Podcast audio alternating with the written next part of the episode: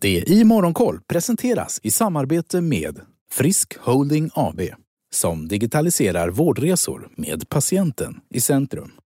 Teckna deras nyemission idag för att vara med och modernisera vården. Läs mer på sajten friskholding.se. Och frisk det stavas med Q. F-R-I-S-Q. friskholding.se. God morgon, välkommen till det i Morgonkoll. Mestadels upp i Asien, även Stockholmsbörsen ser ut att öppna uppåt nu på morgonen. Tokyobörsen däremot backar 2% tyngt framförallt av telekomaktier. Shanghai-börsen stiger 1,5 Shenzhen-börsen är upp 2% och även Hongkong-börsen lyfter 1 där tillhör Volvo Cars systerbolag Geely Automobile vinnarna med en uppgång om drygt 5% Fastighetsjätten Evergrandes elbilsbolag New Energy Vehicle Group däremot faller drygt 8% efter att ha varit handelsstoppad sen i måndags. Evergrande-aktien är fortfarande handelsstoppad utan mer detaljer från bolaget. Börsoptimismen fortsatte i USA som stängde uppåt för fjärde dagen i rad igår efter nya fredssamtal mellan Ryssland och Ukraina. Ryssland lovade att trappa ner militärt nära Kiev och ryska trupper har dragit tillbaka från områdena men enligt en ukrainsk underrättelserapport är det sannolikt bara en rotation med syfte att vilseleda det militära ledarskapet i Ukraina. På räntemarknaden inverterade kurvan mellan den amerikanska två och tioåringen om en tillfällig... I de sekunderna när jag är i luften så är det en kamp på liv och död.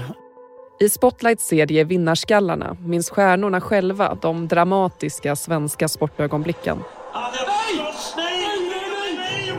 Hör Anja Persson berätta om när hon kraschade i OS-backen men reste sig igen.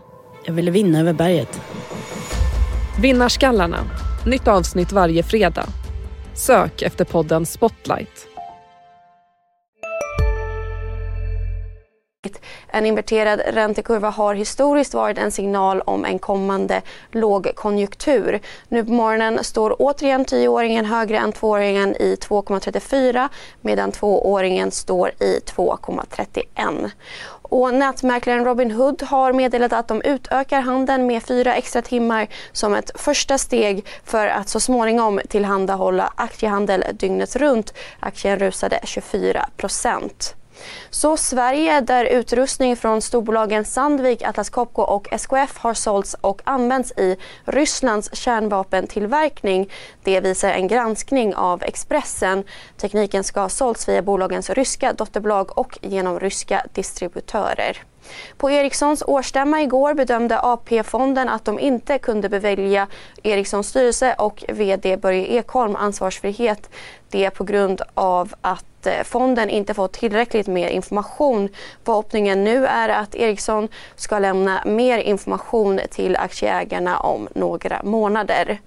Och insiderköpen har fortsatt. Det lilla First North-listade bygginformationsbolaget BIM Objects finanschef Martin Lind har köpt 1,5 miljoner aktier i bolaget för drygt 6,2 miljoner kronor för en rabatt om 5,5 procent. På agendan idag väntas KIs konjunkturbarometer som är den första sedan Rysslands invasion av Ukraina. Även arbetsmarknadsrapport från USA. Missa inte heller Börsmorgon med start 8.45. Ha en trevlig dag.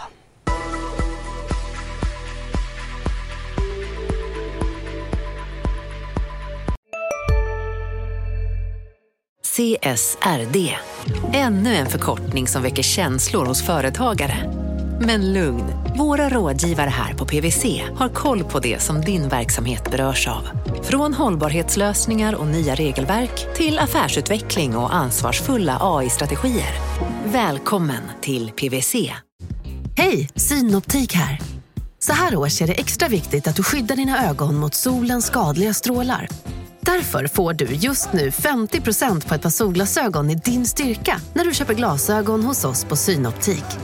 Boka tid och läs mer på synoptik.se. Välkommen!